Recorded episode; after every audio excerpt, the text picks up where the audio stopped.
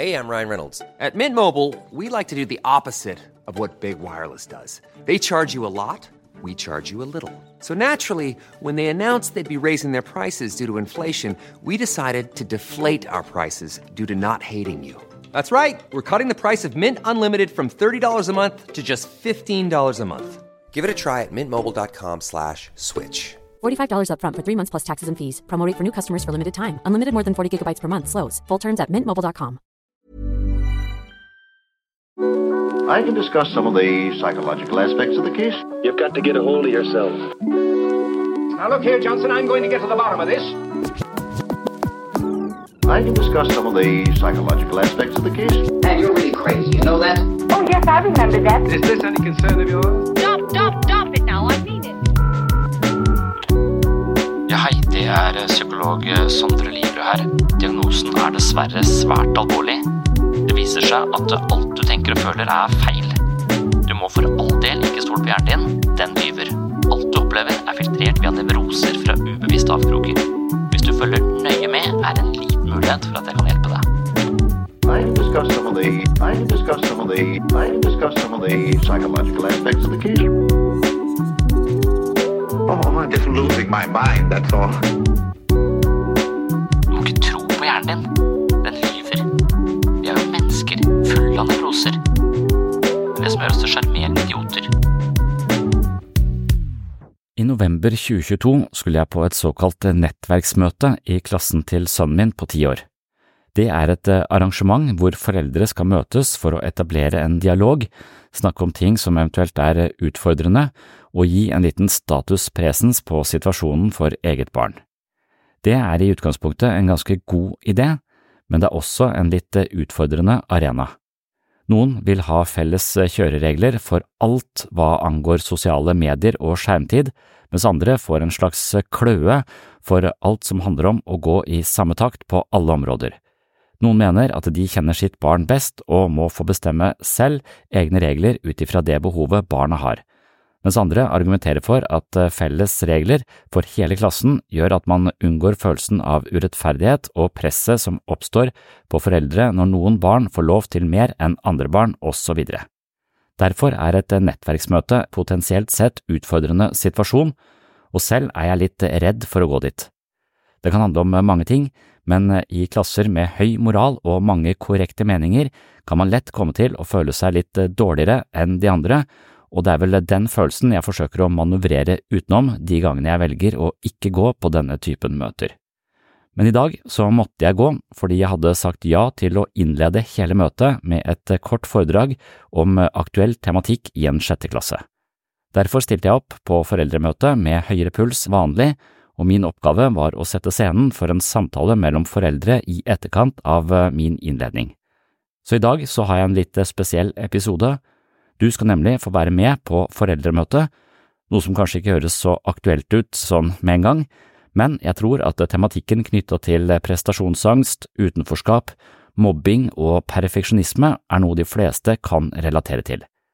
Velkommen til nettverksmøte for sjette trinn på en barneskole i Kristiansand. Ja, jeg, jeg, gjør aldri dette lenger, for det er så angstprovoserende. Og dette har jo vært enn nesten noe jeg har opplevd tidligere. Og egentlig så gjør jeg det ikke at jeg, når først jeg skal si noe i en sånn forsamling, så er det veldig uhøflig å gå. Så jeg føler jeg tvinger folk til å sitte stille over lengre tid. Men når jeg driver en podkast, så kan folk bare skru av. Så det er så mye mer befriende å snakke via en podkast enn å snakke til folk som er tvunget til å høre på meg. Bare fordi Silje syns det er en god idé, så er det ikke sikkert at alle her syns det var en så god, god idé. ja. Så jeg, jeg hadde ikke sånn veldig mye tid, men jeg gjør liksom dette hver uke. Da. Jeg har et eller annet tema som jeg tar for meg, og så snakker jeg om det i grupper der jeg jobber. Så jeg er opptatt av filosofi, jeg er opptatt av psykologi, jeg er opptatt av ulike ideer innenfor det faget, og hvordan det liksom kan fortelle oss noe om måten vi lever på, da. Så det, det gjør jeg i hvert fall tre-fire ganger i uka, i en gruppe på sånn rundt 20 mennesker da, som har søkt om hjelp via et DPS som ligger på ja, nesten i Ravndalen, på Grim der.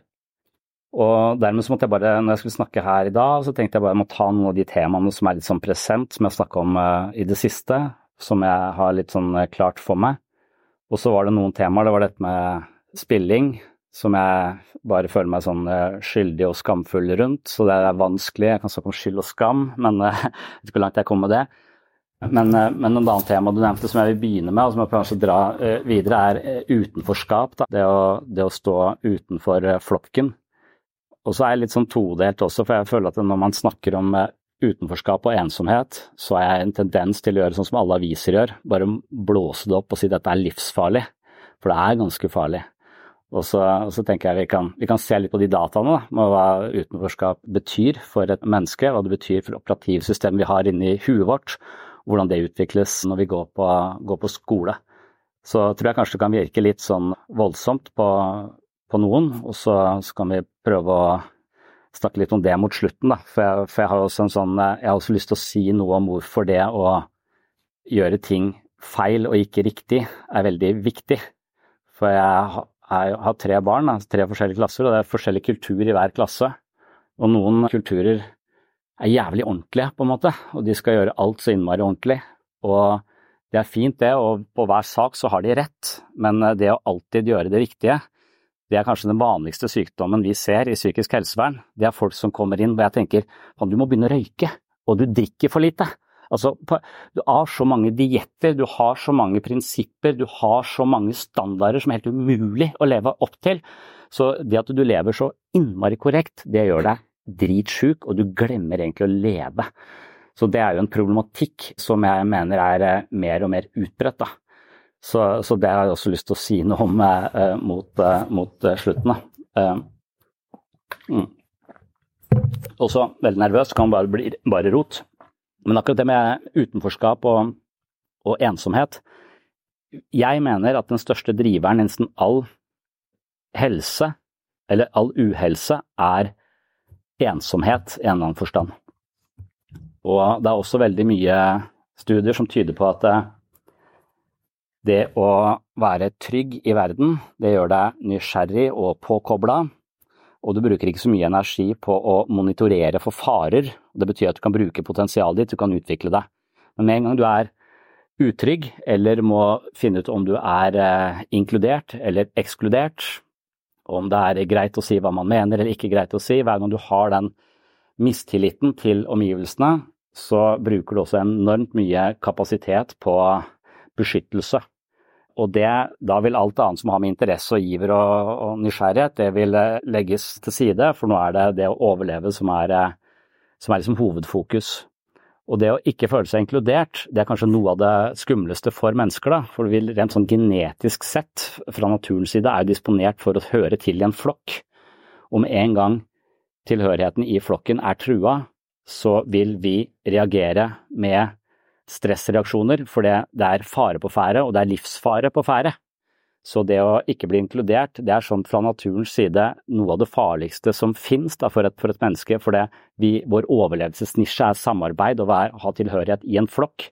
Så med en gang vi på en eller annen måte føler at relasjonene våre brister, så reagerer vi med ganske høyt stressnivå.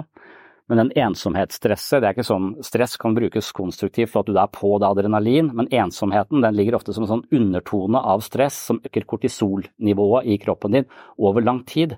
Og det er dette forøkte kortisolnivået som er også driveren i veldig mange sykdomsbilder. Så det å gå rundt med for mye stress over for lang tid, det er direkte helseskadelig. Så når man har undersøkt dette, så mener man at ensomhet øker sjansen for en for tidlig død med 50 Ensomhet er like helseskadelig som å røyke 15 sigaretter om dagen.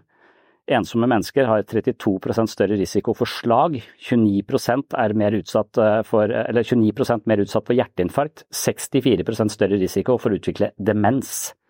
Så det å ikke ha noe fellesskap å høre til, det er veldig skadelig. Men det er ikke sånn skadelig hvis det går bare over en, en liten periode, det må vi tåle, vi føler oss inn og ut, så, sånn er det. Men hvis vi gjentatte ganger føler oss utenfor, og hele tiden føler oss angrepet eller på vakt, så vil det også installere et operativsystem inni hodet ditt preget av mistillit. Og det er det også nesten hele psykologifaget går jo på hvordan vi som barn utvikler mekanismer for å bli likt, f.eks. legge oss litt under, være underdanige eller prøve å ta makta, konkurrere med andre, eller trekke oss helt unna for å unngå den der sviket eller den følelsen av skuffelse når du ikke blir inkludert. Vi har mange beskyttelsesmekanismer for å beskytte oss følelsesmessig, og det kan være en, en fin overlevelsesstrategi en periode, men når det blir modus operandi over lengre tid, så vil det også være strategier du tar med deg inn i voksenlivet, hvor du f.eks. alltid konkurrerer med folk, noe som ikke skaper nærhet, eller du alltid legger deg under og prøver å please andre for å ikke bli avvist på den måten, så er alle dette her dette er strategier som ikke fører til en genuin kontakt med andre mennesker. Du kan godt ha masse venner og være veldig sosial, men du kan likevel føle deg ensom blant mennesker på grunn av de beskyttelsene du trengte som barn. Så kan du ta dem med deg som et operativsystem inni hodet ditt, og det er da preget av en form for mistillit. Og når man har sett på dette mistillit, altså en, en følelse av at de som du skal de som skal ta vare på deg, hvis det er foreldrene, eller de som jevnaldrende, som blir veldig viktige etter hvert, å føle seg lik og være del av en flokk, hvis de gjentatte ganger ekskluderer deg, eller eh, mobbing og alt dette her, så vil det påvirke ditt syn på andre mennesker og ditt syn på deg selv på en sånn måte at du i verste fall tar det med deg inn som en sånn Jeg monitorerer alltid litt for andre, for andre mennesker, hva slags intensjoner de har. Og da risikerer man altså en manglende tillit til, eh, til omgivelsene sine, som vil nettopp føre til alle disse skadelige helseeffektene, da, fordi du hele tiden lever med en viss grad av stress pga. dette utenforskapet. Så dermed så er jo det e- ekstremt viktig. Altså, det er et eksempel på det er ultraortodokse jøder, de der med de rare flettene som står og nikker foran den muren. De, de lever jo etter en sånn streng rabbinsk lov, men de spiser visstnok mest smør, sukker og krem. Så sjansen for overvekt er syv ganger større hos de enn hos eh, de andre, andre jøder som er mer sekulære. Så dette her er en gruppe som man ville forvente har masse livsstilssykdommer, og 54% av de lever under fattigdomsgrensa. Det som er rart med denne ultraortodokse gruppa med jøder, er at det, på tross av denne lave denne, denne, dårlige livsstilen og denne lave sosioøkonomiske statusen, så lever de lenger enn andre jøder. Så, så, de har på en eller annen måte så er det et eller annet i dette fellesskapet som kontrer alle de skadelige effektene av å bare spise sukker, krem og smør. Altså det, er, det er jo livsfarlig, men, og de tenker at det handler om disse sterke sosiale båndene de har, hvor de holder seremonier, de har ordninger hvor de hjelper hverandre med barnepass, de støtter hverandre økonomisk, de har sånn veldig samhold. Og det samholdet, den følelsen av trygghet og tilhørighet i gruppa, virker som kontrer mange andre ting. Så de kan røyke og spise kaker og kose seg som bare rakkeren fordi de, fordi de har det. Men hvis de begynner å leve sunt i tillegg, så blir de sikkert 150 år. Så, de kan hente, hente mye der, da. Men det er bare sånn hvordan dette Og det er også gjort en, lest en studie på mistillit og utenforskap. og da tok vi et utvalg på 3000 mennesker, og som svarte masse spørreskjemaer, så tok de de 40 mest ensomme som ikke hadde noe psykisk lidelse. Og så utsatte de de for masse sånne intervjuer og bl.a. sånn tillitsspill, hvor du, hvor du, driver og gir folk jeg vet ikke om dere vet det, men det er for å måle tillit hos mennesker. Altså får du 1000 kroner, og så får du vite at jeg kan gi disse 1000 kronene jeg har nå, til en av dere, eller noen jeg ikke kjenner, og hvis jeg gjør det, så får dere da 3000 kroner. Men da er også gamet sånn at da kan dere velge å gi meg tilbake igjen f.eks. 1500 kroner, så jeg har tjent 500 på det, og dere har fått 1500. Eller dere kan ta, ta alle pengene selv, så dere sitter igjen med 3000 kroner, og jeg har ingenting, selv om jeg var så raus å gi dere 1000 kroner i alt. Og Da viser det seg sånn at de som har høy på tillit, altså høy, har troa på andre mennesker og har et operativ som sier andre mennesker vil meg vel, jeg har troa på, på, folk, de har en tendens å gi alle pengene og forventer at det andre eh, gir tilbake igjen. Mens de som er lave på tillit, de beholder alle pengene selv, for da er du sikra 1000 kroner, og, og sånn er det. Og når du, når du, ser på da ensomme mennesker og en kontrollgruppe som ikke scorer på ensomhet, så viser det seg at eh, den gruppa som ikke scorer høyt på ensomhet, de er mye mer tillitsfulle, og de gir som regel alle pengene, mens de som er mye ensomme, de beholder pengene selv. Så tillit er en eller annen faktor, og når den tilliten mangler, så tror jeg bare på et på et personlig nivå, men også på et globalt nivå. Altså Man ser på alle de rike landene i verden. De er tillitsfulle land. altså De er land som er høye på tillit. Og Norge er ganske høy, Skandinavia er høy på tillit, og jeg ja, vi har råd til å være høy på tillit. Det er dritmye olje, så det spiller ingen rolle for oss om vi gir litt hit og dit. Men vi var faktisk tillitsfulle før olja kom også. Man har målt dette tilliten på utvandrere til USA, som, altså var, eh, som, som stammer fra Skandinavia, men har eh, flytta over. Og de er fortsatt høyere på tillit mange andre land vi kan sammenligne oss med. Så man tenker jo at denne tilliten på en måte korrelerer med en eller annen form for uh, suksess og velstand og, og, og trygghet. Da. Så det er noe vi må ta vare på. Og jeg tenker at den, det, det, gjør at vi, vi, er nødt til å fokusere på det og ha inkludering, for det er så jæklig skadelig med, med denne manglende tilliten. Og det å da hele tiden ha et konkurrerende forhold, eller, eller ha et, en kultur med mobbing og, og, sånne ting, så er det, er det farlig. Og for, for å se enda mer, og, og, egentlig sånn rent biologisk sett, så er det Her er det kortisol og adrenalin som er stresshormoner de er bra, de hjelper oss i enkelte situasjoner, men over lang tid så vil de skade oss ganske dramatisk. Og så er det annet, et annet hormon som regulerer ned stressnivået vårt, og det er oksytocin. Oksytocin, altså det hormonet de kaller kjærlighetshormonet, det er det som utskilles mer av hos foreldre ved en fødsel f.eks., for, eksempel, for det skaper tilknytning. Så oksykotin det er altså det som regulerer stresset ned, og som gjør at vi kan koble oss på og, og skape mer nærhet til andre mennesker.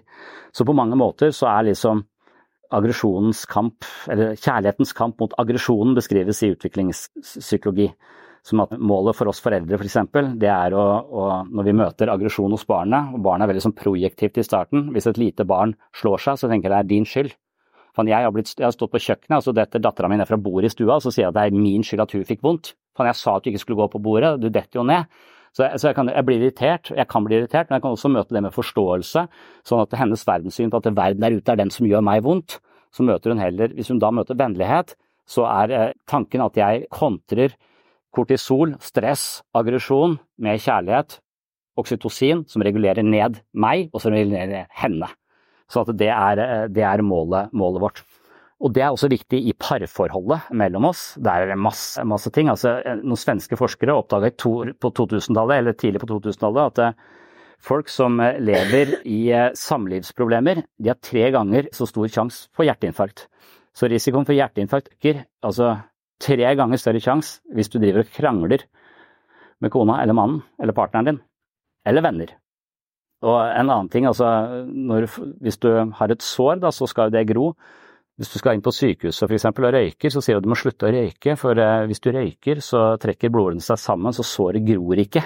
Eh, for du får ikke det næringsstoffene trenger, så du må slutte å røyke hvis du skal opereres her. Så folk blir tvunget til å slutte å røyke på, på sykehuset, ofte. Jeg har for mange pasienter hvor det har, har, skjedd med. Men hvis du, de burde egentlig sagt også at hvis du krangler med, med partneren din, så kan vi ikke operere deg nå. Da må du først bli venner. For for det er enda Altså, et sår gror. Det tar ti dager lenger før et sår gror hvis du er i samlivsproblemer. Så man kan egentlig kutte seg i armen da, finne, og telle dager for å, finne ut av, for å ta tempen på, på parforholdet. Så såret gror mye langsommere hvis man er utsatt for psykisk stress. Og det er jo ganske interessant, på sett og vis. Så, det, det, den type stress den gjør liksom at, at vi at vi produserer færre immunstimulerende stoffer, færre hvite blodceller, færre bakteriedrepende stoffer og flere bakterier. Og Det er det som gjør at såret da ikke, ikke gror. Så det å være, ha god stemning hjemme og, og være rause overfor hverandre for å aktivere oksytocinpumpa inni huet vårt, det gjør at vi kan falle og få skrubbsår og, og heles ganske raskt. Da. Og dette gjelder på hele immunforsvaret vårt. Mye kortisol, svekka immunforsvar, blir mer sjuk, mer vondt i magen, mer smerte her og der. Så dette baller jo bare, bare på seg. Så konklusjonen i det studiet var at det, det som har størst betydning for hvor lenge du lever, er ikke hvilke gener du er utstyrt med, hvordan kolesterolverdiene dine er, om du røyker, trener eller har et sunt kosthold, men rett og slett hvordan du har det i dine nære relasjoner. Så det, det må jo være absolutt en absolutt prioritet. Så mobbing, utestenging, enten det er digitalt eller eh, fysisk, det gjør at vi er nødt til å monitorere for, eh, for den faren for å bli ekskludert fra flokken, som ikke er noe triviell fare. Det, er et slags, det kan stifte en slags dødsangst, nærmest, fordi det er forbundet med altså, I tidligere tider når vi var mer kollektivistiske samfunn, så var den strengeste straffen du kunne få, det var eksil. Du ble utestengt fra fellesskapet, for det var omtrent det samme som dødsstraff. Nå er vi ikke så opptatt vi er ikke så bundet til fellesskapet lenger, men det ligger i oss, denne, dette behovet for å høre til. Og jeg ser det på hun yngste som er nede og trener her nå, altså at hun, dette med å gå til skolen, det har vært en sånn issue for hun første. Jeg tenkte, Da fikk jeg et sånn inntrykk at hvis ikke du går til skolen, så blir du ikke et dannet menneske. Altså, da, da er det ute med det. Så jeg stressa noe jæklig med at hun eldste skulle gå til skolen hver eneste dag. Det ga jeg blaffen i med hun tredje. Men, men nå, nå, ser jeg at når vi kjører til skolen forbi de pliktoppfyllende som går, da, ja det er fint hvis hun fikk til det, så ser jeg at hun vil gjerne gå, men hun driver og sånn kikker, og så sier hun stopp, hvis hun ser det er en mulighet for å bli inkludert. Men hvis hun ser en minste fare for å bli ekskludert, så sier hun kjør.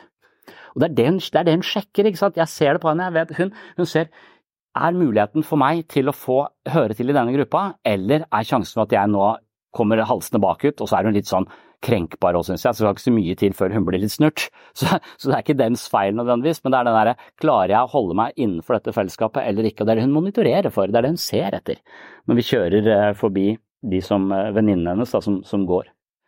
Så, så, det er en stressfaktor jeg har tenkt på, og det er det jeg ville si om liksom dette med utenforskap og, og høre til. Ryan Reynolds here from Mint Mobile. With the price of just about everything going up during inflation, we thought we'd bring our prices down. So to help us, we brought in a reverse auctioneer, which is apparently a thing. Mint Mobile unlimited premium wireless. Ready to get 30, 30, bit to get 30, bit to get 20, 20, 20, bit to get 20, 20, bit to get 15, 15, 15, 15 just 15 bucks a month. So, Give it a try at mintmobile.com/switch. slash $45 upfront for three months plus taxes and fees. Promo for new customers for limited time. Unlimited more than 40 gigabytes per month. Slows. Full terms at mintmobile.com. Hey, I'm Ryan Reynolds. Recently, I asked Mint Mobile's legal team if big wireless companies are allowed to raise prices due to inflation. They said yes. And then when I asked if raising prices technically violates those onerous two-year contracts, they said, "What the f*** are you talking about? You insane Hollywood ass." So to recap, we're cutting the price of Mint Unlimited from $30 a month to just $15 a month. Give it a try at mintmobile.com slash switch. $45 upfront for three months plus taxes and fees. Promo for new customers for limited time. Unlimited more than 40 gigabytes per month. Slows. Full terms at mintmobile.com. Og så, og så syns jeg også det er andre stressfaktorer som jeg tror det er verdt å, å tenke på når det gjelder eh, barn. Og det handler litt om ytre og indre motivasjon for ting, men det handler også om en slags sånn ytterligere stressfaktor jeg mener å observere i eh, dagens samfunn. Og dette med indre og ytre motivasjon, det går jo også litt på Altså ytre motivasjon, det er jo for det hvis vi jobber hardt for å skal stå på en CV, eller vi reiser til Syden for å legge det ut på Instagram. Mens indre motivasjon det er hvis vi gjør ting fordi at det gjør oss glad. Altså vi går tur med hunden fordi det, det gjør oss bra, ikke for å nå et eller annet bestemt mål. Da. Så, så, så det er også en sånn, sånn ting at det, med en gang du får noen insentiver som ligger utenfor deg selv til å gjøre noe, så, så mener en som heter Torbjørnsen, som skrev 'Tallskalle', som jeg syns var en veldig fascinerende bok, han mener at hvis vi gir folk insentiver og måler de og veier de på alt de gjør, så mister de, eller så vil motivasjonen flytte fra innsiden til utsiden, og stresset vil også øke. Du vil ofte få en litt bedre prestasjon med en gang hvis du observerer og måler og veier folk, og konkurrerer. Vil, de vil yte litt mindre, men motivasjonen for å gjøre den aktiviteten vil gå ned. Og det tror jeg også er en sånn ting som, som, er i vår kultur nå, at vi måler og veier alt mulig. Og vi har standarder for hvordan alt skal være, og de standardene siver inn i oss enten vi vil eller ikke. Bare den ideen jeg har om at barn må gå til skolen.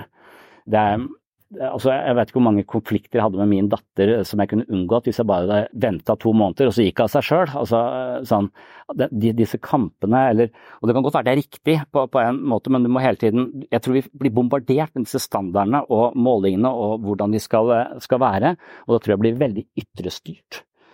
Så Noen studier som bare illustrerer det, er at barn som blir fortalt at gulrøtter gjør dem sterkere og flinkere til å telle. Jeg vet ikke hvorfor folk sier at de blir flinke til å telle og spise gulrøtter. De spiser færre gulrøtter enn barn som blir fortalt at gulrota ikke hadde noen instrumentell verdi. En annen studie viste at barn som fikk belønning etter å ha fargelagt en tegning, syntes fargelegging ble kjedelig fortere enn barn som fikk belønning. Blodgivere gir sjeldnere blod hvis de får en premie. Så slutt å gi folk premier for å få blod. Altså, folk har lyst til å være gode i seg selv, og med en gang du gjør det, men det er en transaksjon, så, så er det ikke noe vits i den koppen. Hva faen skal du med den koppen? Det, det, det, vil egentlig minske motivasjonen din for å, for å, for å gi blod. Da. Så den der med å kvantifisere ting, det fører til litt høyere ytelse, men motivasjonen blir eh, svekka. Og det, det, gjør også at vi blir mer selvsentrerte. Så dette med selvkvantifisering, altså at vi går rundt og klokka mi bestemmer når jeg skal legge meg, om jeg har nådd søvnmålet mitt. Men jeg sover ikke for min egen del lenger, jeg sover for å tilfredsstille eh, Apple Watch og ace søvnmålene mine. Jeg går tur i synd for å få nok skritt, ikke fordi jeg elsker naturen, som jeg gjorde før i tida, før jeg fikk den eh, klokka. Altså Motivasjonen for mye flyttes ut, telles og måles, og, og den eh, motivasjonen for å gjøre det blir ofte da dramatisk lavere. Samtidig så blir vi veldig selvsentrerte av det. Vi blir ikke kamerater og et fellesskap. Vi blir altså sånn som fotballaget, da. Altså det å være et lag, spille sammen. Med en gang det kommer en eller annen fyr fra kretslaget og står der i blå jakke og stirrer på deg og noterer på en blokk, da er ikke vi lenger et lag, vi konkurrerer mot hverandre. Hvem av oss er best? Og mye av gleden ved spillet forsvinner, motivasjonen flyttes ut av han fyren som står på siden, og, og så blir det en stressituasjon. Kortisolet øker, du er, du er observert, du er under observasjon. Og jeg tror det er det som også kanskje gjør regnskap for en del av det man ser nå, at 3,7 barn sliter med skolevegring. Altså at det er problemer med å komme på, på, skolen. Det var ikke et alternativ når vi vokste opp. Men når jeg vokste opp på 80-tallet, så var det også mulig å sitte helt bakerst i klassen og ikke følge med og tenke på helt andre ting. Det gjorde jeg veldig mye av tida. Det var vanskelig å oppdage hva jeg fikk med meg og ikke fikk med meg, for jeg ble ikke målt så innmari mye. Mens eh, i dag så har vi nasjonale prøver, vi har et mye større måleregime på alle fronter. Vi har også mye mer sånn organiserte aktiviteter hvor man skal På fotballtrening skal man utføre det trenerne sier, jeg er selv fotballtrener, det er en organisert aktivitet, istedenfor å være på Løkka og motivasjonen kommer fra et, eh, fra et annet sted. Så når vi måler barn i dag, ikke bare fra lærernes side og fra de nasjonale prøvenes side, men også fra medelever. Altså du skal jo hele tiden være på, du skal holde fremlegg, det er muntlige ting osv. Så, og så, videre, så du blir også evaluert av dine jevnaldrende. Denne stadige evalueringa av deg selv, den gjør deg ganske selvbevisst. I hvert fall mange vil slite med det. Det øker også stressnivået. Det er en voldsom stress, stressfaktor, det også.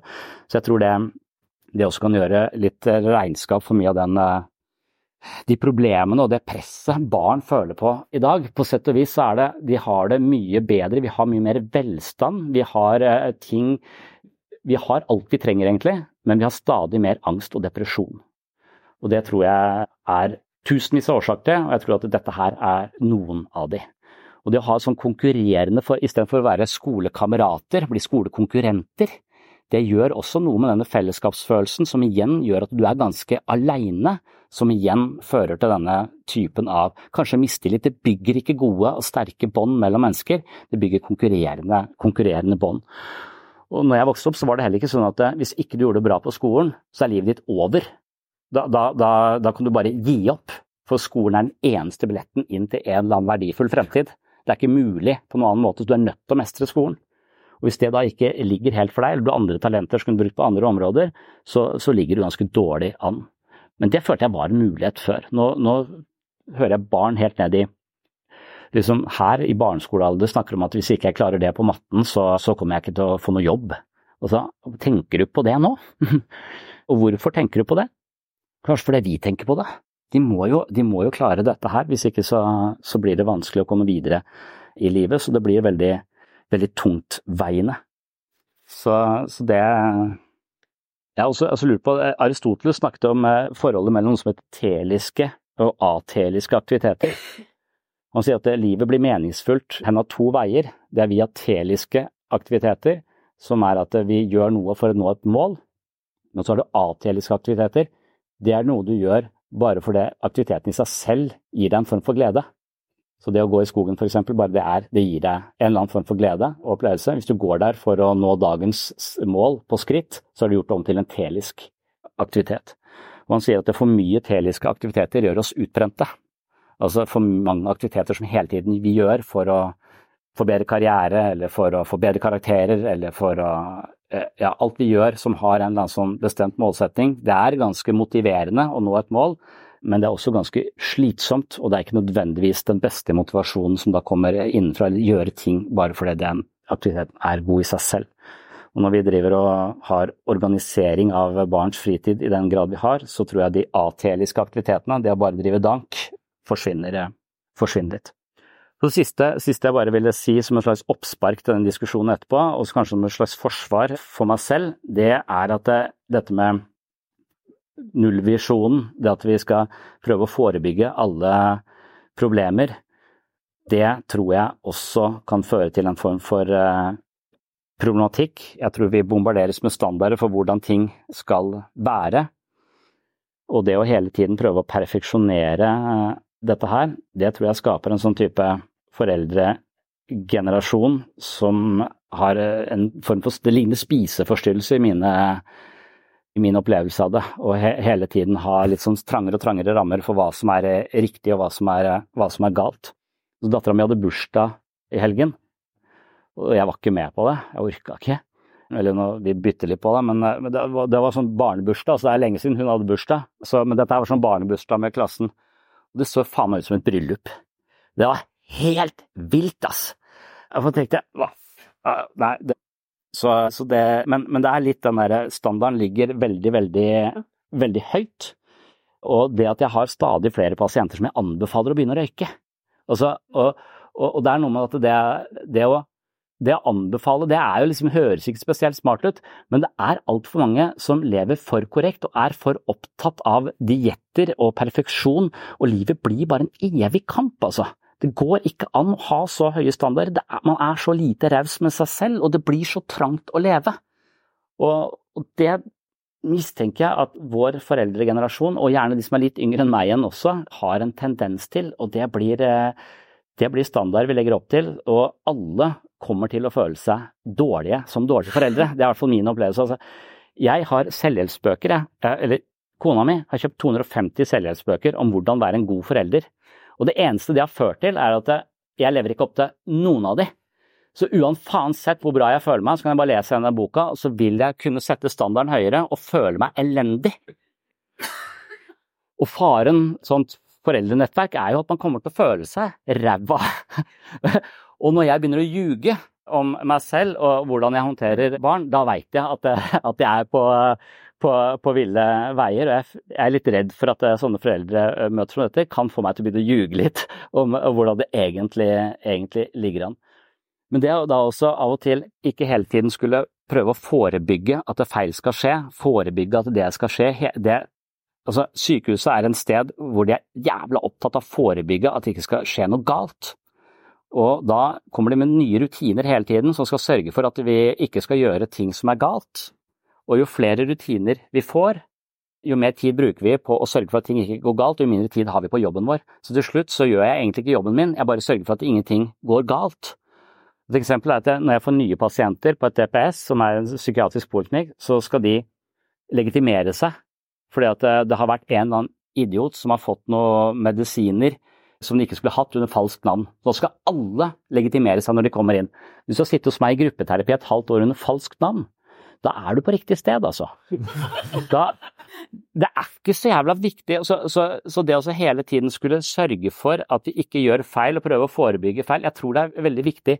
På en eller annen måte så er dette en sånn unnvikelsesstrategi òg. Istedenfor å gjøre feil og ta og prøve å løse det, så prøver vi å løpe fra farer og unngå alle mulige farer. Så vi pakker oss inn sånn at ikke, ingenting blir farlig. Og på en eller annen måte så blir det til mer angst.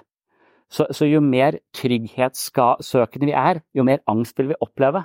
Så vi lever i en tryggere og tryggere verden, men gruppene på ABUP med, angst, med unge mennesker med angst, altså barn med angst, de bare øker, blir flere og flere. Så jo mer fokus vi har på trygghet, jo mer nervøse blir folk. Det, det, er sånn, det, er litt sånn som med, med psykologi generelt. Da. Hvis det er tanker du prøver å ikke tenke på fordi du syns de er angstprovoserende eller ekle å tenke på, så, så, kan du ansette en dørvakt inni hodet ditt som sier hver gang denne tanken kommer, så må du stenge den ute. Det betyr at Hver gang det kommer en ny tanke inn i hodet ditt, så må dørvakta sjekke var det den tanken. Og hver gang han sjekker var det den tanken, så blir du oppmerksom på den tanken. sånn at Jo mer du prøver å ikke tenke på noe, jo mer kommer du til å tenke på det. Og Sånn er det litt med trygghet òg. Jo mer vi prøver å være trygge, jo mer usikre blir vi. Det, det er, sånn, nå var det halloween. Jeg skulle ut og skremme folk. Skulle skremme livet av folk. Barn. Det, det gjorde jeg i fjor, med suksess, syns jeg. Jeg fikk ikke lov i år. Jeg måtte sitte i hagen. Jeg gjorde det, men jeg fikk ikke lov til å, til å gå ut og skremme. For Janne sa du kan jo Folk kan jo bli traumatiserte. Ja, det er jo litt av poenget. Altså, jeg har jo kjøpt utstyr her for nesten 2000 kroner. Så jeg måtte sitte i hagen. Så Marius overtok eh, eh den Må gå rundt med en øks i, i nabolaget og ser dritfarlig ut. Ja, og, og, så, og når, når, Da skjønner jeg hvor, hvor forskjellig fokuset vårt er. for når, når, Janne da kjørte av sted med hun minste, så sa hun ja, og hvis du skal gå utenfor hagen, ta på deg refleks. Jeg hadde, jeg hadde motorsag! Og så har du sett Michael Myers med refleks! Nei. Så, så det, er, det, er, fokus på sikkerhet. Skal, skal, vi ha, skal vi ha refleks når vi går knask eller knep? Det, det, er, det er så, så, jeg tror det er et eller annet på nære å hele tiden skulle være i forkant og unngå at alle feil skal Jeg tror vi skal reise på at ja, feil skjer, vi gjør feil, ja, og, og, det er noe bra med det også. Og når vi skal prøve å forsikre oss om at ikke skal gå, noe skal gå galt, så får vi litt sånn der 9-11-effekt. Altså når man begynte, når 9-11, altså når de flya krasja inn, så begynte man å ha sånne sikkerhetskontroller på alle flyplasser, så alle måtte gå gjennom det. Det tok ti minutter lengre tid, ti minutter et kvarter. Det tok så lang tid at folk kom ikke fram i tide, så de begynte å kjøre bil isteden, og antall dødsfall i trafikken gikk opp dramatisk. Fly falt ikke ned, ingen døde med flyulykker, jævlig mye folk døde i trafikken. For det ble en masse. Så hver gang vi sørger for trygghet ett sted, så, så blir det et eller annet annet. Vi får en bieffekt som er mindre skjult. Så, så, problemet mitt i sånne settinger som dette er å argumentere for hvorfor det å gjøre ting feil er riktig. Hvorfor tillater du at sønnen din spiller Fortnite? Det er jo helt feil i alle parametere. Ja, men av og til så er feil riktig. så dette er et forsvar for min egen manglende eh, disiplin da, på hjemmet på, på det, men, men, vi må ha en eller annen sånn raushet for, eh, for, feil, og alt må ikke være så, eh, så korrekt, for da, da, får vi det som kalles ortoreksi. Forstått mye anoreksi, det er folk som prøver å kontrollere maten. Ortoreksi, det er altså riktig vekst. Vi er så opptatt av å leve riktig og korrekt og, og være perfekte at vi eh, får et liv som bare virker anstrengende slitsomt. Og de med skikkelig ortoreksi de vet ikke hvordan de skal få en pause, så den eneste pausen de kan få, det er å ta livet av seg sjøl, har jeg inntrykk av. Så, altså, det er høy fare for suicidalitet når livet leves på den måten her sånn. Hele tiden skal være opp til standard, og standarden kan du helt til når du har 250 selvhjelpsbøker om å være foreldre, så, så finner du alltid en ny standard du ikke lever opp til. Så det er helt umulig. Så feil er greit, å være litt uh, slurvete er, uh, er greit. Det, det var siste innspill. Mm. Ja, det var eh, innledningen til et såkalt eh, nettverksmøte på en barneskole i Kristiansand. Jeg syns vel selv at denne innledningen var eh, mildt sagt vaklende, og jeg vet at jeg var ganske usikker. Dette er jo mennesker jeg kjenner sånn litt, og mange er bare bekjente, og jeg sier hei til de, jeg vet egentlig ikke så mye om dem, mens andre foreldre kjenner jeg jo veldig godt av et nært forhold til, så det var en utfordrende forsamling for meg, fordi det virkelig blottlegger min egen eh, usikkerhet. Men eh, i etterkant så fikk jeg hyggelige tilbakemeldinger, folk var uh, rause, og jeg synes også møtet vi da hadde i etterkant av denne innledningen ble ganske greit. Det virket som det var mulig å være sårbar, det var mulig å uttrykke akkurat det man syntes var eh, vanskelig, uten å bli utsatt for eh, moralisme og kritikk, og det er vel eh, kanskje en selvfølge, men egentlig ikke. Det er ofte man er som gjenstand for fryktelig mange krav og føringer som kommer fra kulturen eller fra Facebook-sida til klassen eller andre steder, eller bare internaliserte krav som vi selv føler vi må leve opp til, men ikke lever opp til, og da prøver å eventuelt skjule eller undergrave i denne typen møter.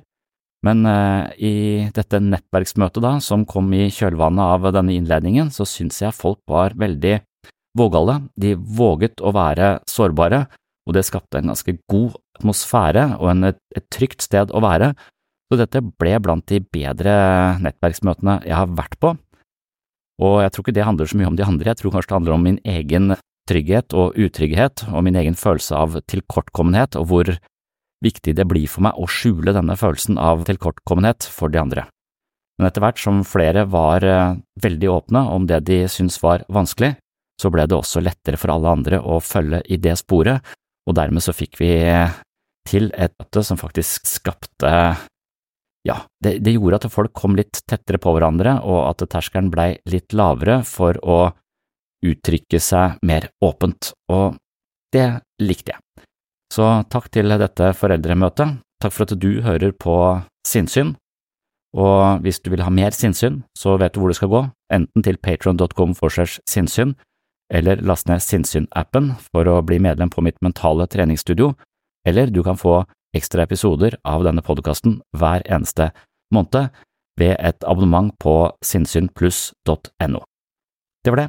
Takk for følget, og velkommen tilbake i neste episode. Oh, I'm just losing my mind, that's all.